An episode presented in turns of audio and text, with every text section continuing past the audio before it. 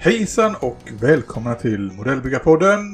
Ett nytt avsnitt är här och eh, det är jag, Fredrik Håkansson, i den här änden och i andra änden så har vi Christian Lidborg. Hej Christian! Hejsan Fredrik! Läget idag? Idag är det fantastiskt fint. Solen skiner på oss och hopp om nytt liv och nytt ljus eh, stundar, eller på att säga. Så att det känns... Eh, och det är alltid skönt tycker jag om man ska blanda in det vi drivs av, lite modellbygge. Att, att, att bygga när solen tittar in är, kan göra susen tycker jag faktiskt. Det är väldigt skönt.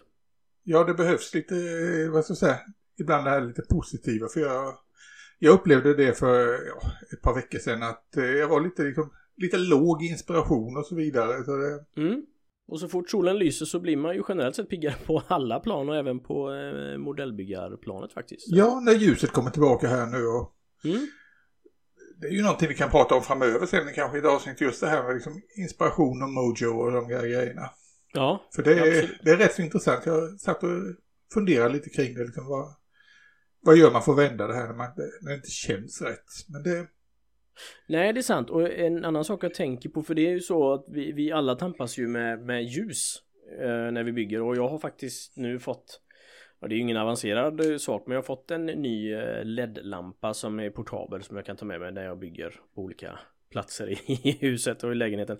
Men, men ehm, det, det är viktigt med ljus. Jag vet inte hur, hur det är många som pratar om Calvin och, och ljust och varmt och kallt och eh, vad har du för jag eh, har faktiskt bytt ut eh, lamporna i... Eh, ja, jag har ju sådana här vanliga typ kontorslampor som jag har riktbara. Har Mm. vid mitt arbetsbord.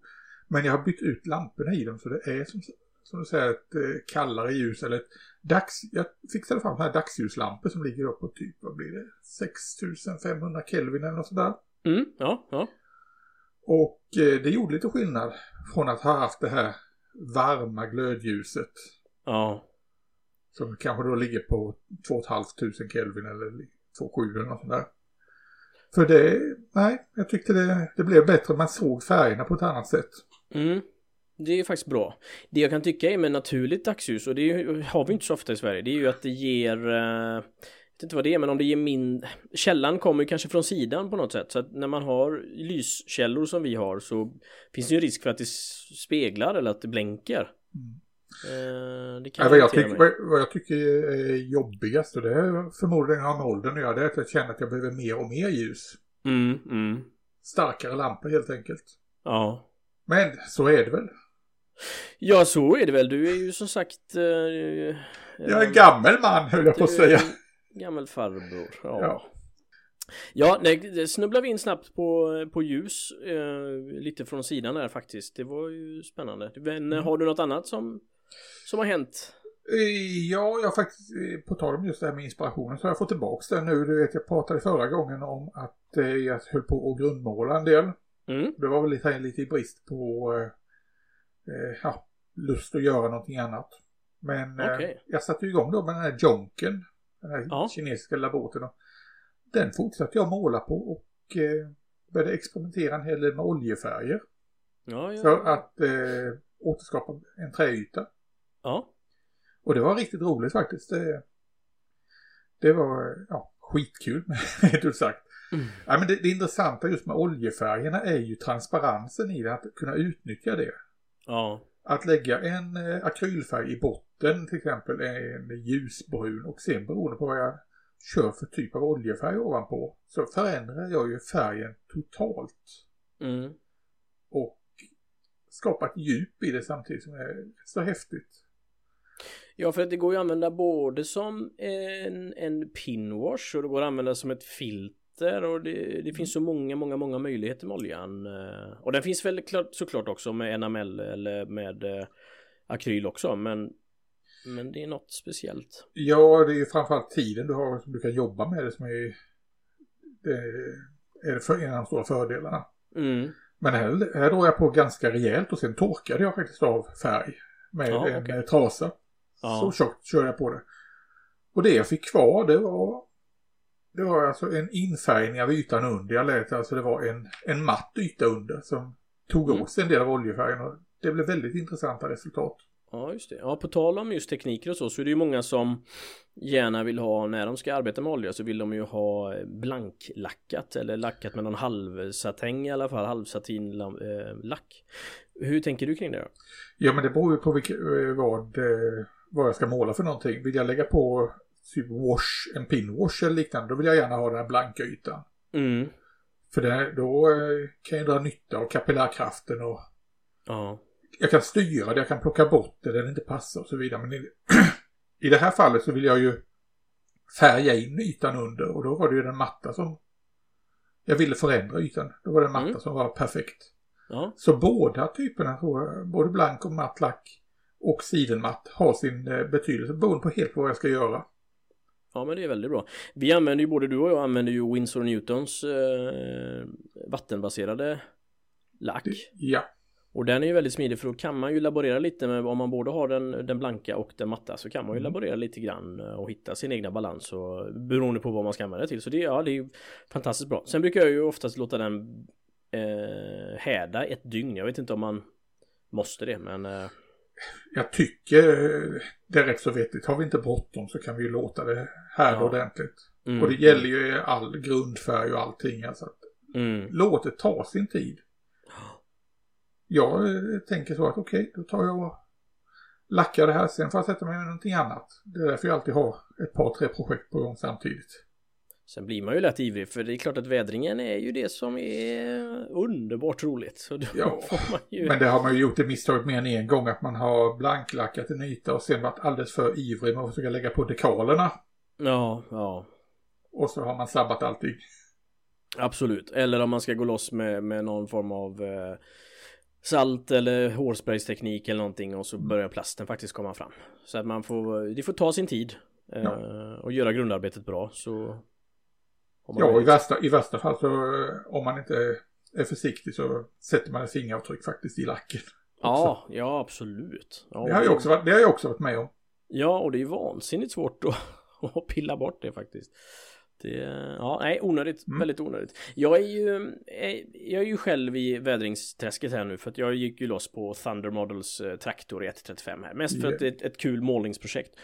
Och även för ett framtida diorama. Men, men då är jag ju så här i valet och kvalet när jag leker med oljorna att ska man Ska man göra den svarta washen eller ska jag göra den verkliga washen med, med sand och beige eh, damm liksom som samlas kring Eh, Man kan göra både och naturligtvis och det är det jag försöker göra att man hittar ställen där det passar med det ena och det andra bättre.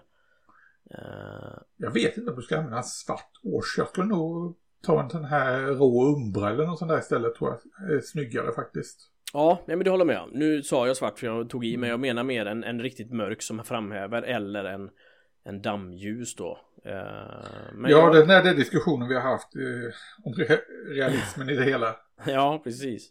Om man vill att det ska poppa så ja, det är klart då får man jobba med mörkare washer liksom och, och jobba med, med, med highlights och så. Men eh, Men kan du inte i olika delar jobba med lite olika jo, jo. färger? precis. Alltså Ja. kring, du har väl en synlig motor och sådana där prylar. Så där skulle jag använda en mörk kanske för det Ja. kan man tänka sig Ja, men du har är nog helt rätt att man ska olja och sådana prylar. Och, Ja, för du vet ju att jag är alltid emot när man gör en, en snygg vagn och så eller någonting Så doppar man den i någon mörk svart wash liksom och det ser ju som sagt skitbra ut för ögat på Sådär då, men det har ju det är mindre realism då Men på vissa ställen, ja absolut, absolut så kan man göra så ja.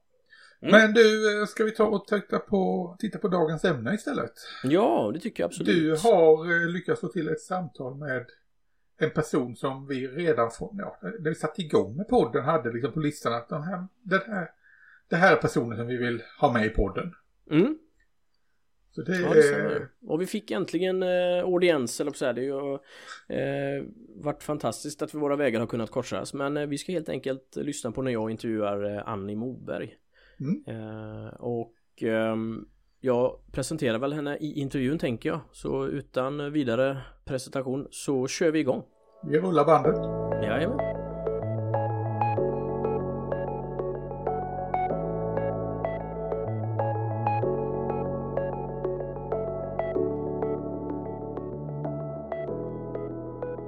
Hej och välkomna alla lyssnare! Idag sitter jag med en fantastiskt kreativ tjej eh, som har jättemycket att erbjuda både kunskapsmässigt och, och är väldigt aktiv på olika eh, forum. Tack så mycket! Eh, jag sitter med Annie Moberg. Hej Annie! Hejsan! Hur har du det? Jo då, det är lite förkylt idag, men eh, Ja. det går bra ändå. Det är sådana tider, regnigt och snö om vartannat.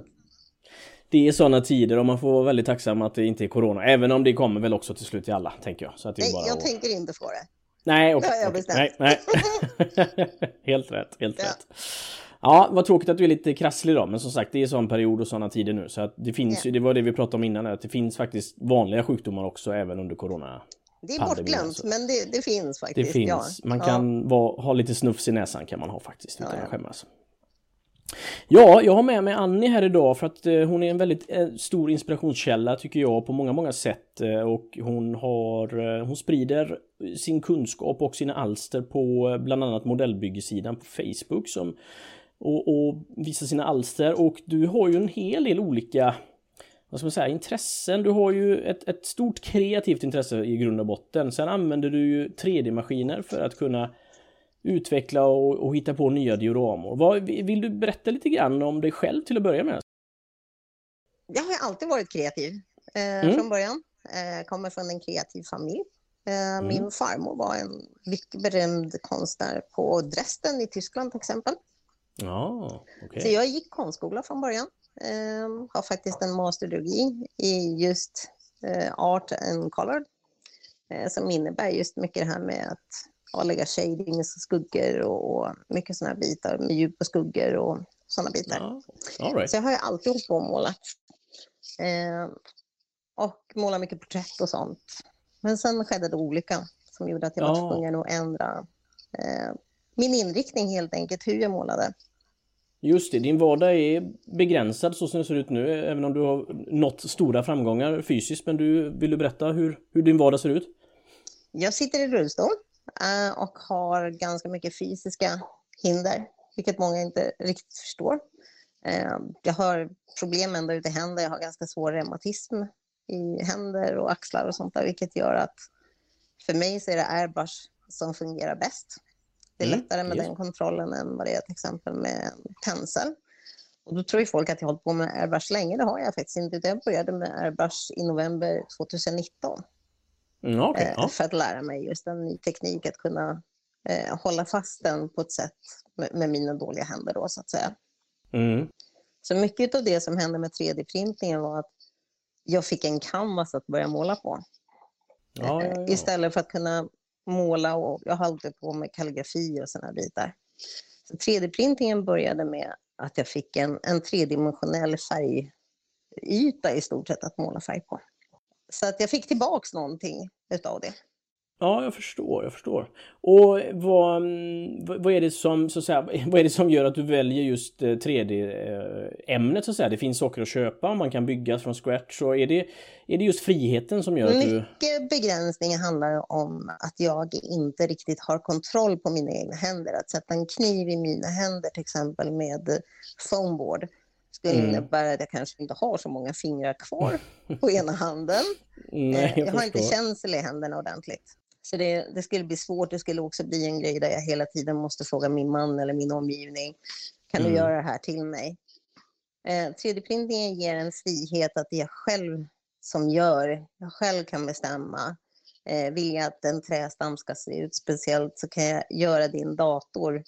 Få fram hur jag vill ha det här utseendet, trycka på knappen och känna att det är jag som har gjort det, även om det är en maskin som gör det.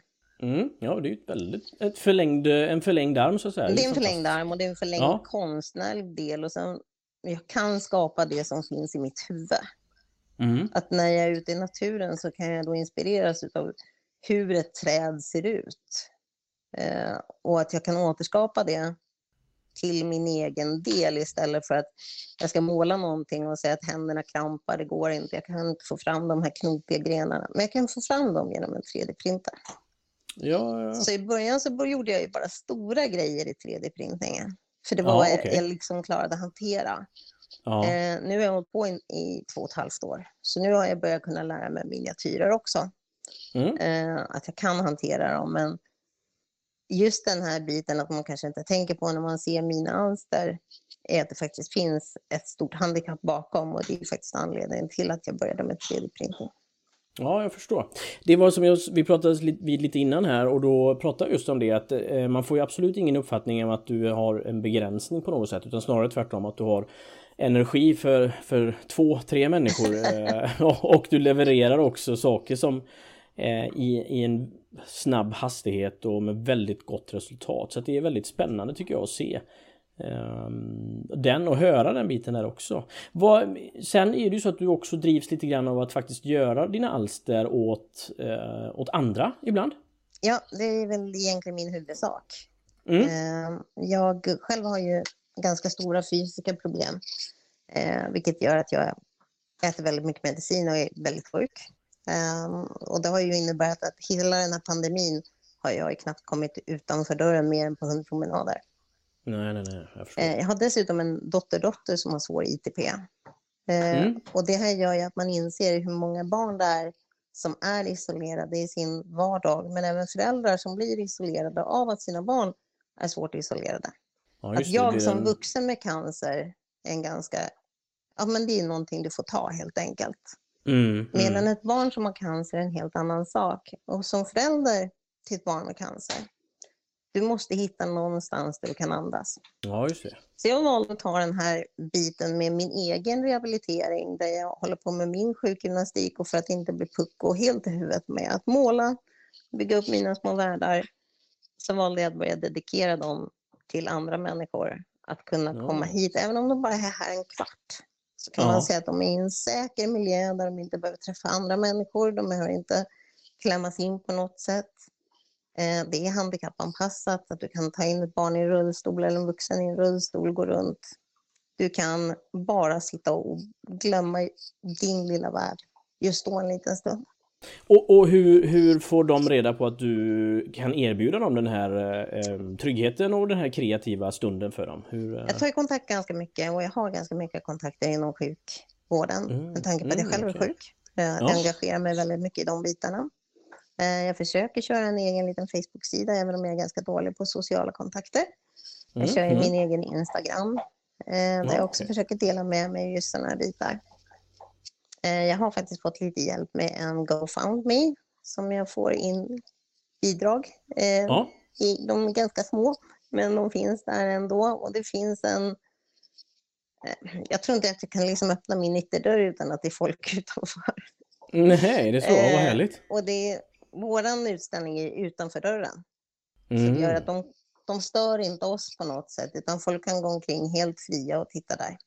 Ja, Men som nu på julafton så är det någon som hade skrivit med fötterna i snön, God Jul, tack för utställningen till exempel. Och alla sådana bitar, ibland hittar man små lappar i brevlådan. Eh, Jag blir Mm. kontaktad på alla mejl. Man möter folk som talar om att det här var ett ljus i deras mörker. Att bara kunna ta med sina barn hemifrån, ifrån en isolation, isolering Ja. och kunna göra någonting annorlunda. Ja, just det. Ja, det var ju fantastiskt att höra att du ändå med en gemensam hobby som vi delar alla som lyssnar också. Vi vet ju den kreativa känslan hur den hur, hur, hur bra man mår av det. Och, och det är fantastiskt att du har möjlighet att kunna dela med dig då och ge andra människor den möjligheten. Det är ju oerhört stort. När jag började hänga på modellbygge för ungefär två år sedan Mm. så hade jag inte lika mycket tekniska bitar just i att bygga modeller. Eh, Nej, jag har mest hållit på med djurporträtt och barnporträtt och sådana bitar. Mm. Och även om jag då kanske själv inte är speciellt intresserad av pansarvagnar och sådana här bitar så har jag då hittat bakom. att Ja, jag jag tittar hur förstår. vattnets vågor går. Hur har de Mm. gjort det där? Vilka material har man använt? Hur kliver den för genom iskanterna? Och jag har hittat liksom att det har blivit en lärodel. Så skulle Ja. man, och det, det är lite kul, för jag har haft några besökare från modellbygge som säger, titta det där kan jag känna igen därifrån. Jag säger, jag har faktiskt fått inspirationen och det är där jag har lärt mig de här bitarna. Mm. Eh, och det är så himla häftigt.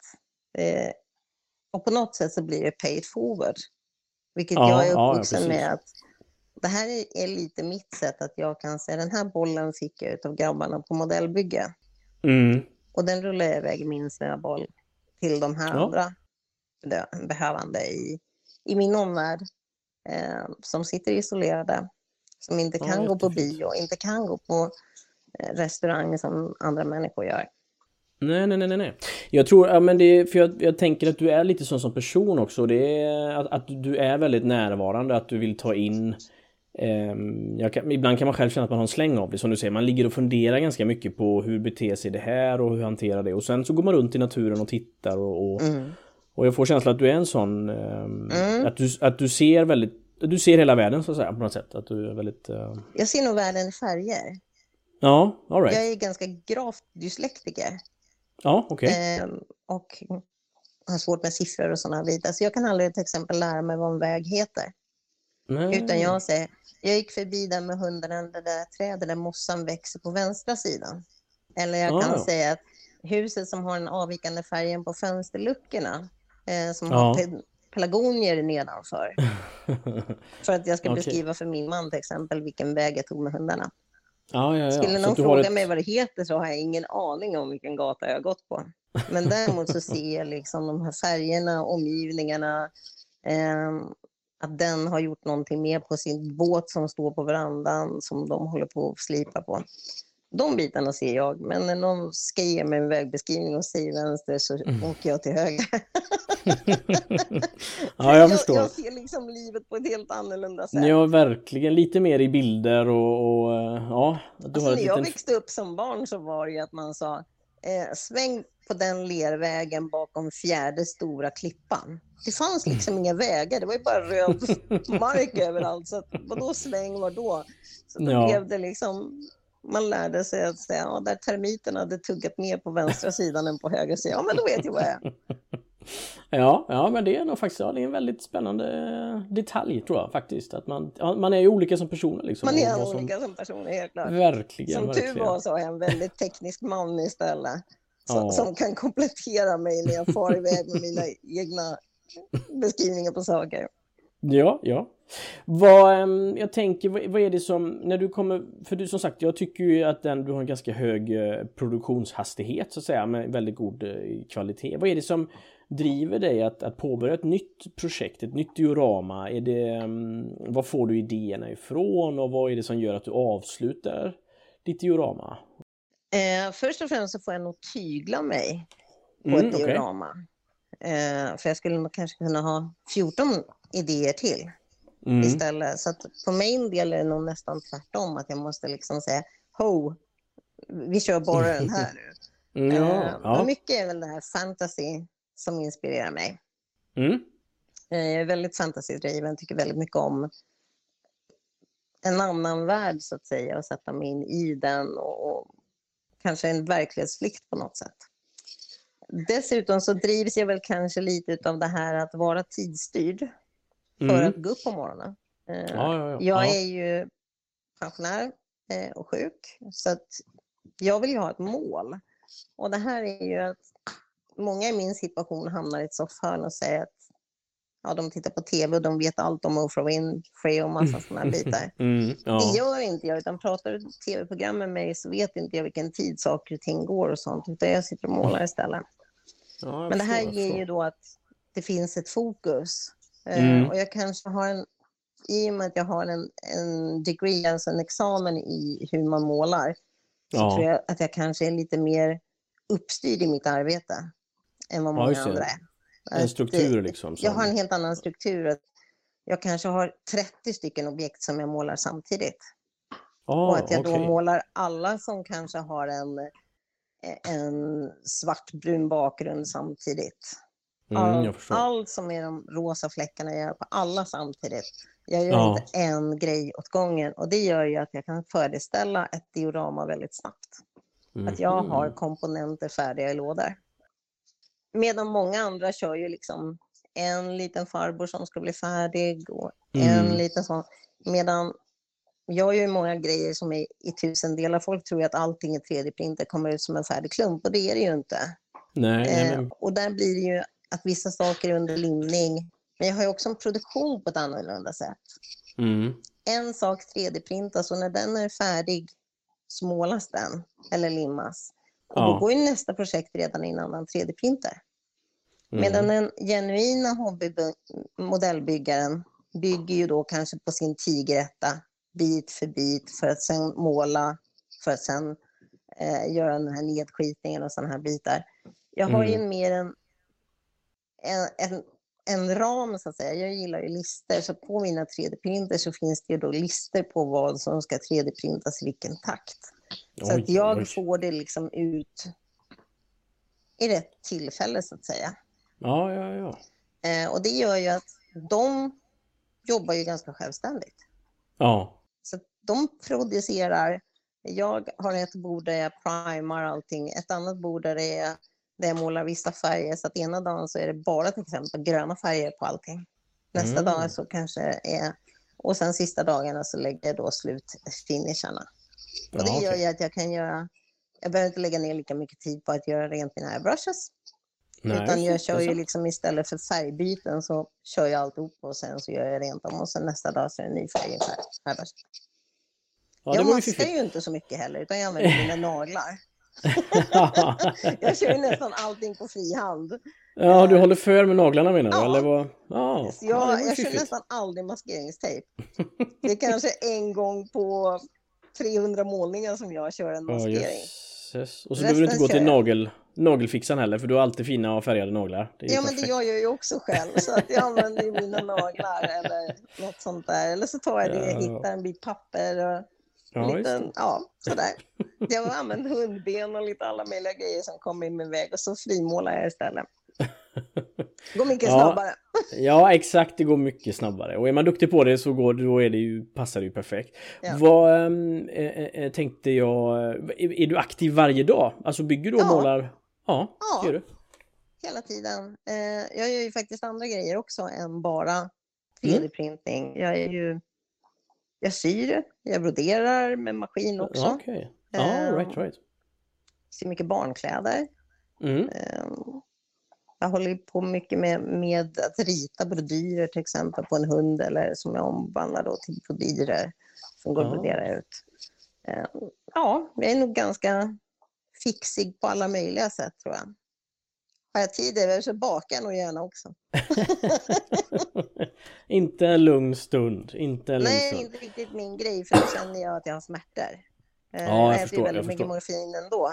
Ja, Men eh, att göra saker och ting är ju det stället där jag kan liksom gå in i min egen hjärna.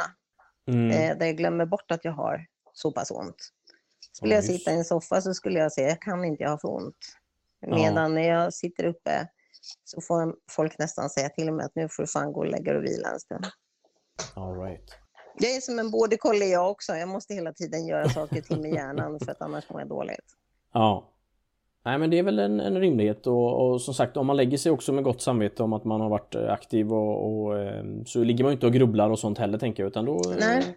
Då är man igång och, och allting fungerar bra. Vad, eh, vi pratar en del om 3D-skrivare här nu och, och ehm, det, det är ju, jag ska inte säga att det är en vattendelare för att vi får ju acceptera att 3D-skrivarna är här för att stanna. Vad, vad, vad känner du kring att, att Alltså möjligheterna är ju helt... Det finns ju inga begränsningar egentligen. Det är bara fantasin. Och du berättar ju dessutom att du är aktiv själv då i, i CAD-program och så. Eh, Nej, det är jag inte. Det är du inte? Nej? Nej, jag kan faktiskt inte kadda. Och där kommer just min dyslexi in också. Ja. Att jag har Ja. svårt för de bitarna. Utan jag köper faktiskt alla mina eh, filer Ja, och sen så kan jag modifiera dem. Men jag kan inte kadda själv. Nej, nej, nej, nej, men du gör Eh, förändringar. Jag gör och- förändringar. Eller så ber jag min vän på att spejra om hjälp när jag, min mentor. Ja. Mhm. Så, så ropar jag Christian kan du hjälpa mig? Så hjälper han mig. Eh, och förklarar och, och listar ut saker och ting. Ja. Eh, och jag har några sådana mentorer inom 3D-printing som verkligen har Ja, men lägger tid på att hjälpa mig att försöka förstå framförallt. Det är ganska mycket teknik att lära sig inom 3D-printing. ja, verkligen. Har Christian skannat dig? Det har han ju inte med tanke på Nej. att han bor i Skåne och jag bor i Stockholm. Ah, ja. Så är det ju lite svårt. Eh, men drömmen är ju faktiskt att han skulle skanna min, mina hundar och mina ja, barnbarn. Eh, ja. Det, drömmer, det pratade vi om för säkert bara en halvtimme sedan, han och jag, att det är min dröm att jag skulle vilja proppa in hela familjen och åka ner och skanna. Det är väl, det är det ju värt såklart. För jag vet att Fredrik, när vi träffades på C4 i Malmö så, ehm, så blev ju Fredrik, min poddkollega, Mm. ehm, han blev ju... dem. Ja, du har sett dem? Ja, det Fantastisk kvalitet. ja, det är så jäkla roligt. Och, och det förändrar ju liksom 3D, 3D-skrivarna um, 3D-skrivarnas vara och icke vara. Jag, jag tänker, jag undrar vad, vad framtiden är, vad nästa steg är liksom. Det, ehm, det finns ju inga begränsningar. Vad tror du liksom att, att man... Ja, om, om vi ska säga så här, jag varit inbjuden att vara med i, på Rydals museum eh, Mm. för två somrar sedan. Ja. Och då tänkte jag, vad ska ni med en halvgammal kärring till som håller på med 3D-printning?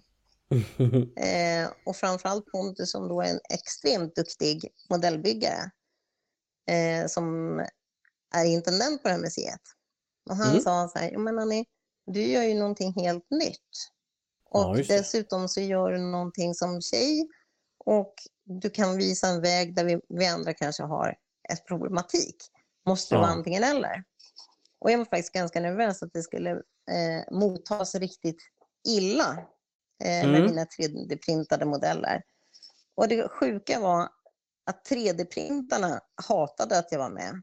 Därför att Jaha. de tyckte att jag förstörde 3D-printning, för där är det mer att man ska göra påsklämmor, eh, munstycken till dammsugaren, för det är riktig 3D-printning.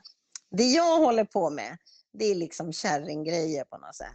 Jaha. Och modellbyggarna höjde det här till skyarna eh, och tyckte liksom att wow, hur kan man kombinera det här? Och det hade jag absolut inte förväntat mig. Jag hade nog förväntat mig att 3D-printarna skulle säga vad roligt att du har tagit det till en ny nivå. Istället Mm. där så fick jag nästan hotbrev eh, hur mycket jag förstör 3D-printning med mina grejer. Och Ja, modellbyggare istället då varit väldigt lyriska och talade om att kan du göra det här åt oss? Och nu gör ju inte jag saker och ting på beställning. Eller, Nej, nej. Jag, jag orkar inte med det, jag har inte liksom möjligheterna till det.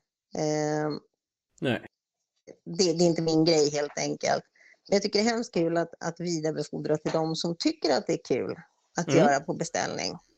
Och jag har ju sett fantastiska bitar. Om jag själv kunde så skulle jag också vilja bygga i, i sådana här härliga material. Um, en av mina stora idoler, John Crossler, Ja, just det. på modellbygge. Det är också en kille som jag skulle gärna välja att kalla som min mentor. Ja, ja, ja. Så fort jag har sagt om jag köpte en sån här så får jag ett PB av John där han säger nej men Annie du kan göra det här själv. Vem hade kunnat tro att jag skulle kunna mala ner disksvampar till att göra foliage på mina 3D-träd? Men man kan faktiskt det och det måste jag säga. Det är ett fantastisk collaboration av Mm. 3D-printning och genuint modellbyggarkunnande. Ja, ja, precis. Ja, Johnny också, eh, han gillar ju 3D-printing också, gillar han. Och, Jo, men det gör han också. Men, men just Ja. det här att det finns en öppenhet och jag tror inte att den behöver vara antingen eller. nej, jag kan nej. säga att jättemånga gånger så skulle jag vilja säga det här skulle jag vilja bygga genuint. Men Mm. mina händer kan ju inte det. Och det finns många gånger jag kan titta och så tänka mm, hade du gjort det där i 3D-print så hade det blivit så mycket bättre. Ehm, just det där man ser jag tittar ju faktiskt en del på, på de här flygplanen och sånt där. Jag har ju lite Ja. svårt med alla de här nazistflaggorna och sådana med, med tanke på min egen barndom. Eh, så ser jag hantverket. Ja. Nej, jag, jag- förstår. eh, Jag tar till man får se bortom. hantverket.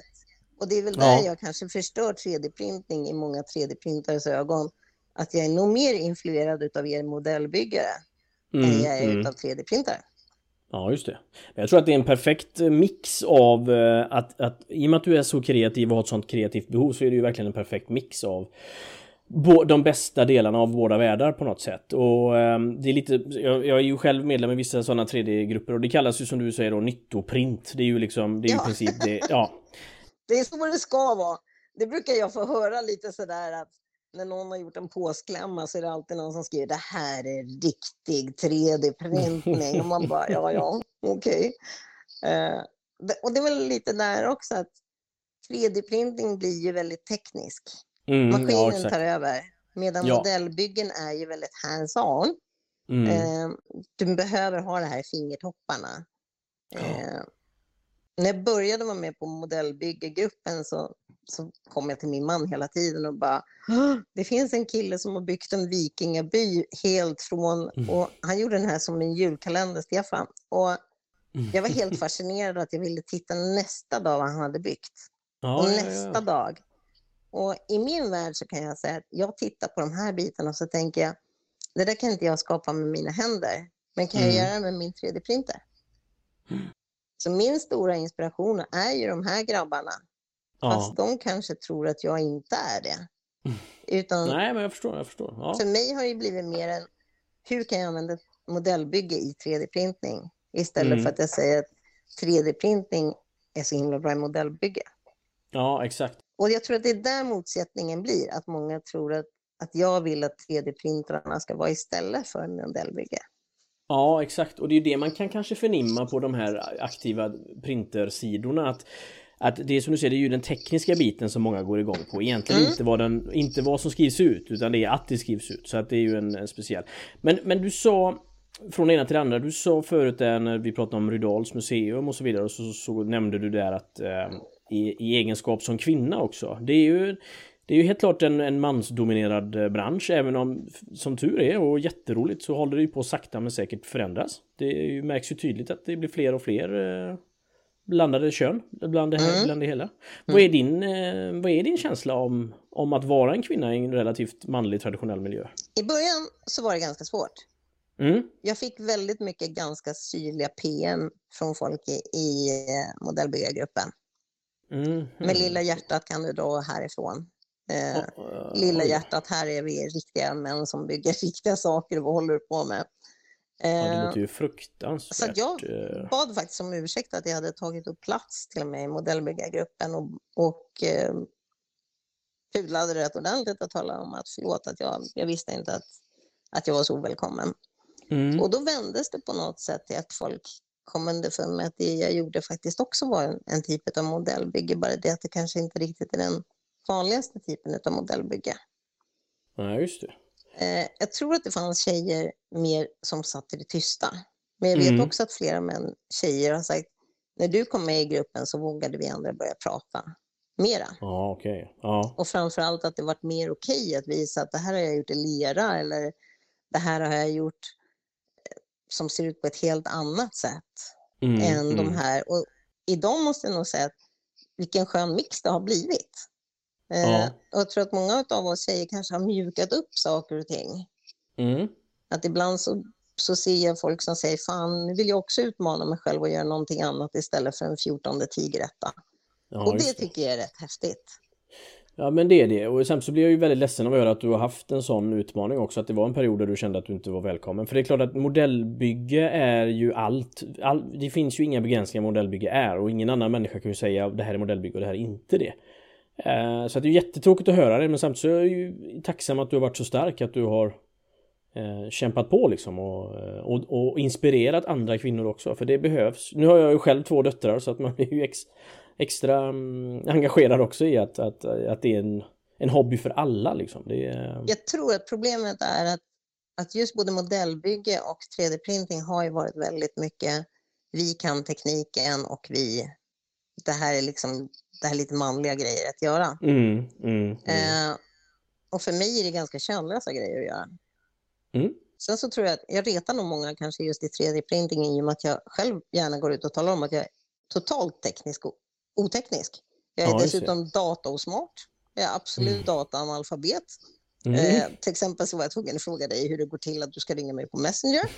Eh, och ja. jag kan stå för att jag är det. Mm. Och det retar många inom 3D-printing som gärna vill att det ska finnas en mystik, att det är svårt, man måste vara jävligt duktig för att 3D-printa.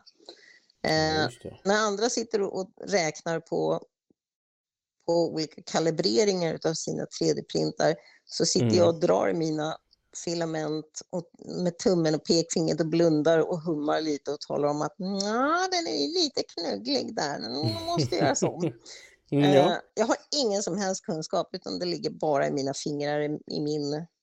Och ändå så tror jag nog att jag gör kanske lite mer slätare prints än vad många andra som kanske ägnar timmar till att kalibrera sina maskiner. Ja, ja, Medan jag kanske går in lite mer på känsla. Mm. Och det är väl också modellbygge. Det finns ju ingen känsla egentligen. Det är väl mest det att det har blivit mycket krigsbitar som har varit manliga. Ja, ja, men jag tror exakt. att när man började släppa ordet modellbygge, så modellbygge kan ju vara, eh, finns en fantastisk eh, tomtescen som med en tomte som hamnar i, med foten i gröten som vi såg här in till jul. All right. Eh, och eh, Lars-Åke är det som har gjort den där, där han visar liksom Mhm. hur han har tvinnat ståltråd och han har lagt på polymerleror och alltihopa. För Ja, mig är det ett fantastiskt modellbygge. Ja, ja. Eh, måste modellbygge komma liksom i en, i en färdig låda där någon har, har formpressat delar för att man ska göra? Mm. Egentligen inte. Modellbygge för mig är egentligen något, ett barn som leker med lego. Mm. För mig är modellbygge konstruktiva saker i mindre format. Medan många ser modellbygge, ja men då är det ett flygplan. Mm. Eh, och jag tror att bara senaste året så känns det som modellbyggevärlden har verkligen ökat lavinartat. Att en drake är helt plötsligt ett modellbygge. Ja, men det kan Inte jag bara verkligen hålla med om. är drake. Nej, precis, precis. Och man märker ju det tydligt på, på tävlingen också och den bredden som, som folk pre, eh, presenterar och det är ju underbart och fantastiskt och det är lite som jag och Fredrik har snubblat vid några gånger om är, är modellbygge eller vad vi ska kalla det, är det en konstform? Är det konst vi utför? Eller är det, ehm, är det bara som du säger en ehm, plastbitar som vi limmar ihop och målar? Eller är det något annat? Så det är också vad man själv finner i det. Det är vad vi... ehm, Sen tycker och- inte jag man ska missa den här historiska aspekten. All right. Det finns ju en ganska stort historiskt kunnande inom modellbygge. Som faktiskt saknas då till exempel inom 3D-printingen. Mm, mm. Eh, jag är ofta väldigt fascinerad på att, att det är just den här diskussionen som kan bli vad det var för färgkoder som man använder eh, på en eh, generals eh, jacka i Mm. världskriget. Eh, och det kan bli en sån här enorm diskussion och vissa är så tvärsäkra på sin sak. Jo, Ja, det är det här ja. färgnumret. Och sen helt plötsligt så är det någon som har varit på ett museum och, och visat på samma bild så är det under samma tidsaspekt så finns den här vapenrocken i en mängd olika färger. Alla har rätt, men just det intresset. Ja. Eh, min egen far höll på, eh, på någonting som heter Gysinge förut då, höll på med både lipizzanehästar, modellbyggare och Rolls Mm. Royce-bilar. Ja, okej. Det var hans stora grej med flyguppvisningar och sådana här bitar. Så jag är ju faktiskt lite uppvuxen i, i eran värld, även om man kanske inte tror det. Så Mm. Jag är jag det. Eh, jag red jättemycket uppvisningar eh, Mhm. medan han höll på då med samlade på Rolls Royce, eh, samlade Oj, oj, oj, flygplan ja. och, sådana bitar. Spännande. Eh, min svärfar är ju dessutom ganska högt uppsatt inom flygvapnet så att, Mhm. och min man tycker också sånt där är ganska spännande. Så jag har ju lite Ja, ja. bakgrund också. Ja. Och lite av det som driver mig att fortsätta läsa på forumet är den här riktigheten. Att Mm. jag vill att det ska se riktigt ut. Just Och det. Ett problem jag har till exempel nu när jag gör Vikings. Ja. Om jag ska googla på vikingar som fil Mm. så är det, om det är en tjejviking så består den av att den har läderremmar över hela kroppen. Så Ja, viking, jättestora. ja, attribut. Mm. Eh, Vikingakvinnor kan absolut inte ha frusit för de har bara läderremmar tvärs över kroppen.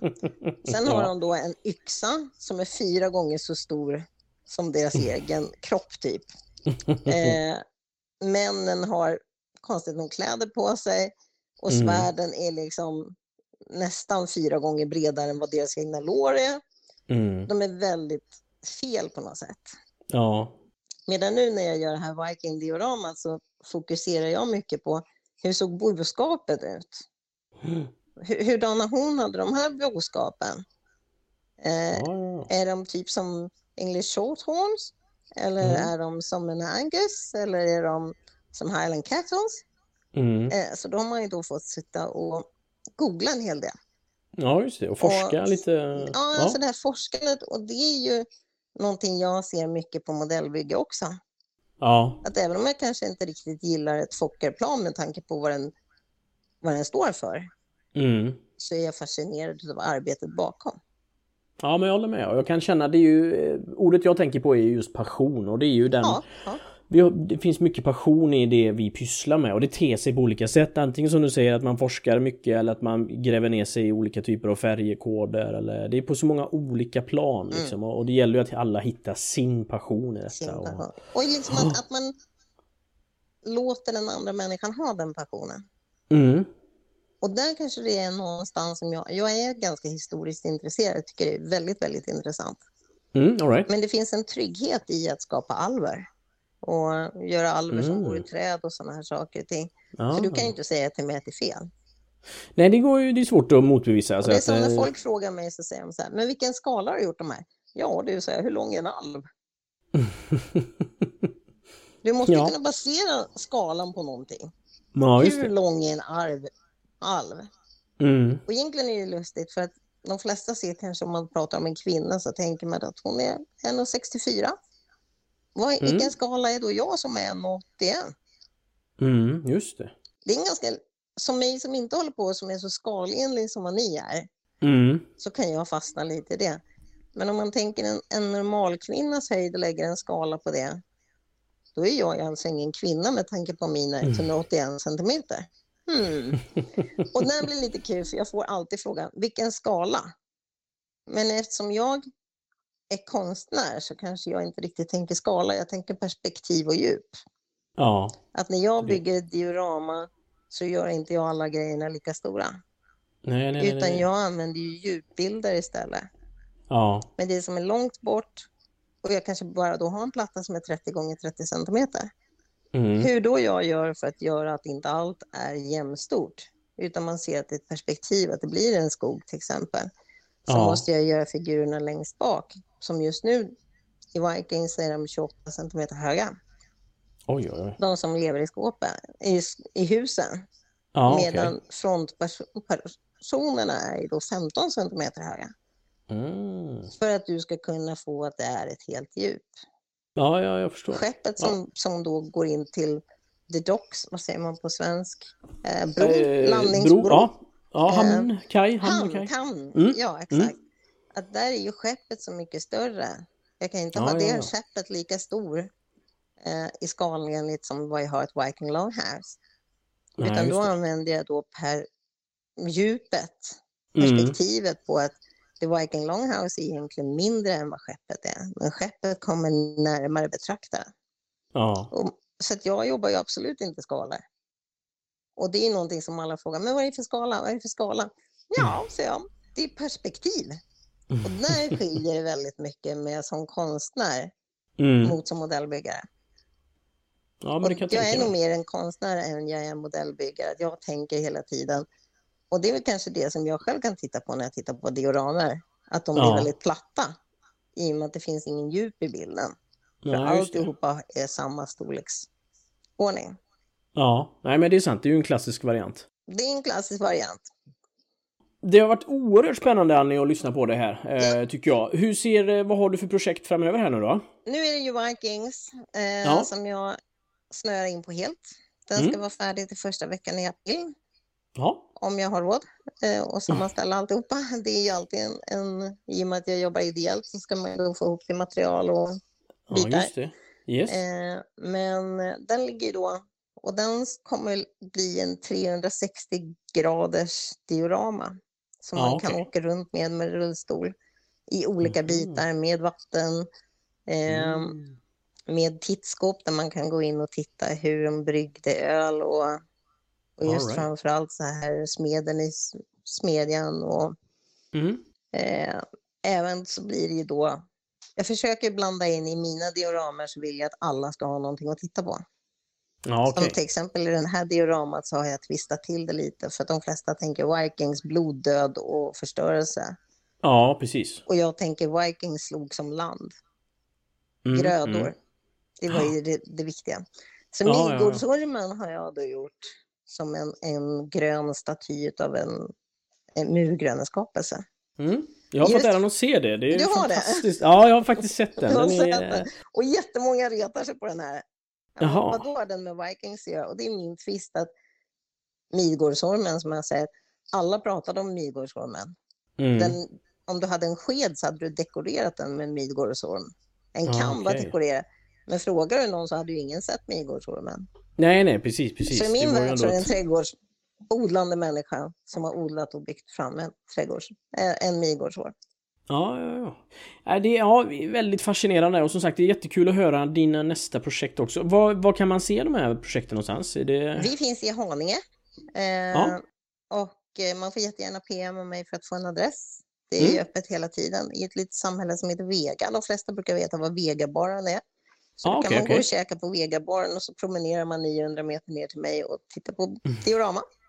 Perfekt. Det är ju öppet jämt. Eh, Ja. Man behöver aldrig boka in sig eller någonting utan man stör inte Mm. oss alls utan den ligger på utsidan av vårt hus. Ja, okej. Men Och om man vill se det digitalt då, hur gör man då? då kan man gå in på Facebook-sidan Crafting by Annie. Den, Crafting by Annie. Ja, fast man skriver Mm. inte Annie utan man skriver A9. Annie, okej. Annie.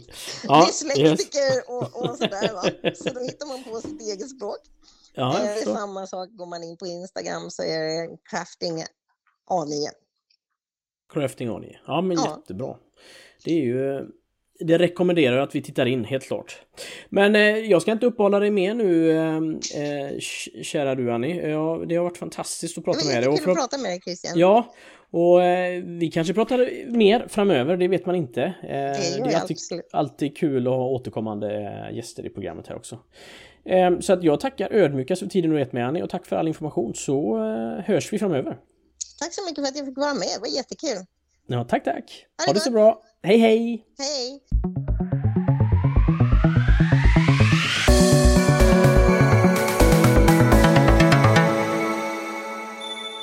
Ja, och då har vi lyssnat på eh, samtalet mellan Christian och Annie Moberg. Mm. Jag kan, jag kan bara säga wow. Det är väldigt mycket wow-känsla kring hela hennes person och som, som modellbyggare och kreatör och, och konstnär. Ehm, väldigt, väldigt spännande och kul att få ta del av hennes vardag och det var mycket jag inte visste om henne som hon förklarade närmare där och eh, nej, jag är tacksam att få, få lära känna henne mer. Ja, nej men det är, alltså jag lärde ju känna, eller känna, jag kan inte säga, jag, jag har inte pratat med Annie. Men jag lärde känna hennes grejer Mm. eh, då på Rydal framförallt. Jag hade ju, liksom, jag var medveten om hennes existens innan men eh, Ja. det var på Rydal som jag fick se hennes prylar för första gången. Och det var också så här, hmm, wow, kul, jag är imponerad. Mm. Det var annorlunda. Och jag gillar det, jag gillar det annorlunda. Ja men det är annorlunda och det utmanar väl ehm, eh, vissa av de normer som vi ser i våran hobby på något sätt eh, utan att, att vara för kontroversiellt heller utan att det är det är hennes nisch och det är hennes grej och lik som man har sin egna. Ja, och eh, alltså det, det är flera saker som jag ser i det här samtalet som ni hade som jag reagerade och studsade över. Bland annat det här, vad ska jag säga, hur motigt det var eller de reaktioner som blev när hon Mm. började dyka upp med sina prylar. Att det liksom, vad har du här att göra ungefär? Ja det är Det, och det, det, det är beklämmande tycker jag. Ja. Ja, det, är vi ju, det tar vi ju stort, stort avstånd ifrån eh, Ja. såklart. Och alla är välkomna eh, och, och framförallt så är vi oerhört tacksamma att man ändå kämpar på och vågar dela med sig även om det har varit oerhört motigt för henne. Ja. Ja, vi är, hon är en stark person. Ja, verkligen, verkligen. Eh, Men som jag, som jag sa, just det här liksom att eh, kvinnor i modellbyggarhobbyn, det är Mm. som jag sa till dig innan, eh, innan sändningen, det är egentligen ingenting nytt det här med dilemmat att hur får vi in kvinnor i hobbyn? För eh, företagen, alltså tillverkarna av plastmodeller, de har ju hållit på och försökt få in tjejer i, i hobbyn sedan 50-talet Ja. och gjort försök efter försök efter försök. Eh, Revel gjorde försök, Aurora gjorde försök, Airfix gjorde försök. Ja, nästan alla har gjort försök med modeller då som skulle rikta sig till tjejer. Mm. Och de gick bet. För det var någonting som var kodat i hobbyn som, som var liksom manligt kodat.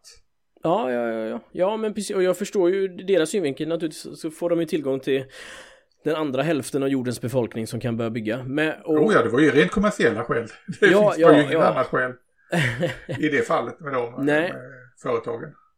och samtidigt så är ju kvinnor, om man nu ska prata om, om den här könsindelningen, så är ju de ju överrepresenterade i andra typer av hobby och kreativa eh, sysselsättningar såsom Ja men det, det, det, det som jag kommit i kontakt med genom modellvärlden det är ju väldigt mycket det här ehm, eh, dockhusvärlden och det behöver nödvändigtvis inte bara vara dockhus utan det kan ju vara miniatyrer i eh, vad är det 1 till 12 eller 1 till 10 som de jobbar i? 1 till 12 brukar det vara. 1 till 12, ja. Ja, det kan vara andra skalor med. Men nej, nu, nu leder vi inte in mig i, i skaldiskussionen igen. nej. Stoppa, stoppa Håkansson där. Eh, så, så, så att det, det är ju inte så att det- den kreativa, kreativa delen saknas utan tvärtom. Ehm, Nej, jag tycker det är, det är helt naturligt. Det ska vara både män och kvinnor i vår hobby. mm. Och eh, jag tycker det är jätteroligt.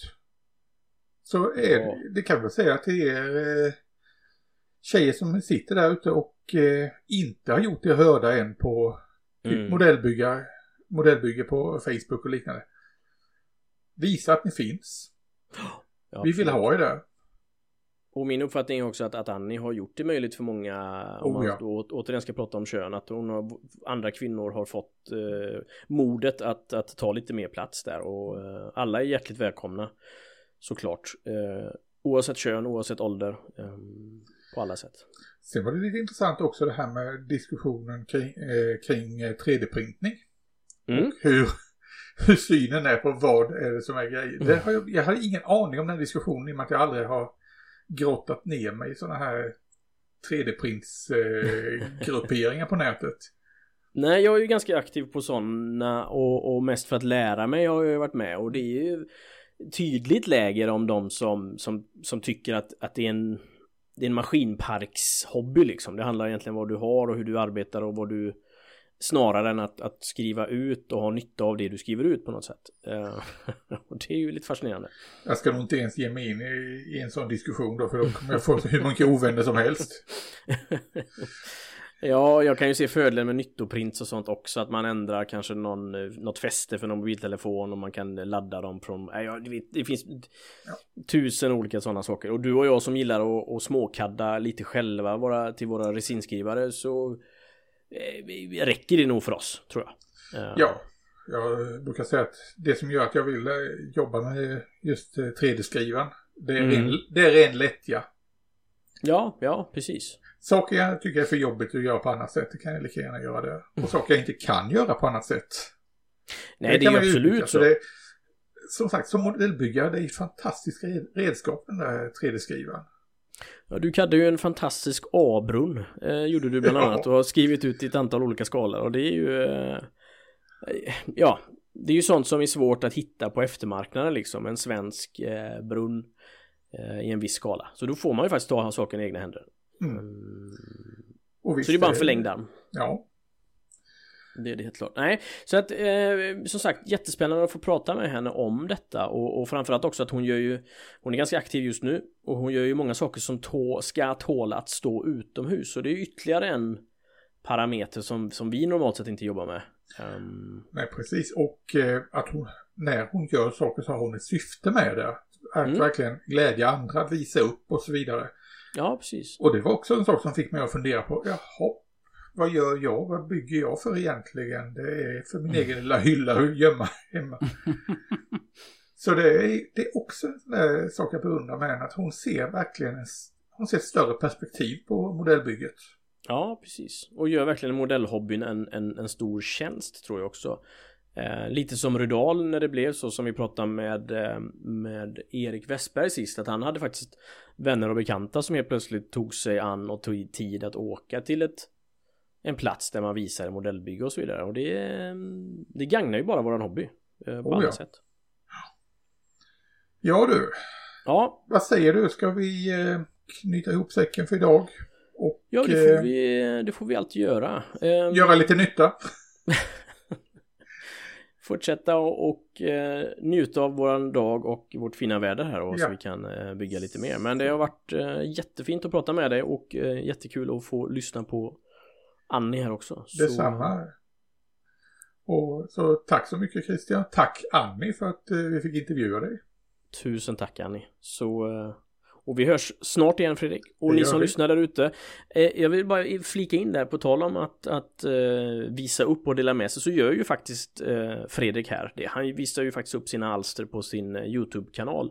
Eh, Panser Fredrik, eh, Panser med Z. Ja. Det Eh, Det kan jag ju säga att jag jag har ju faktiskt en webbsida också så går man in på panserfredrik.se Mm.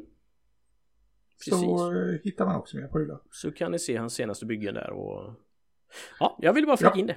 Mm. Fint. Tack, tack så du ha Christian. Ja, tack, tack. Du, vi hörs då. Ha det så Vi fint. gör det. Ha det gott. Amen. Hej. Hej.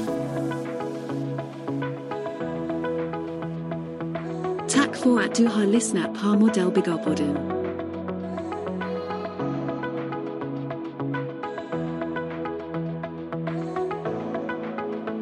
Mod, mod, mod, mod, Modellbyggarpodden. Mod, mod, mod, mod,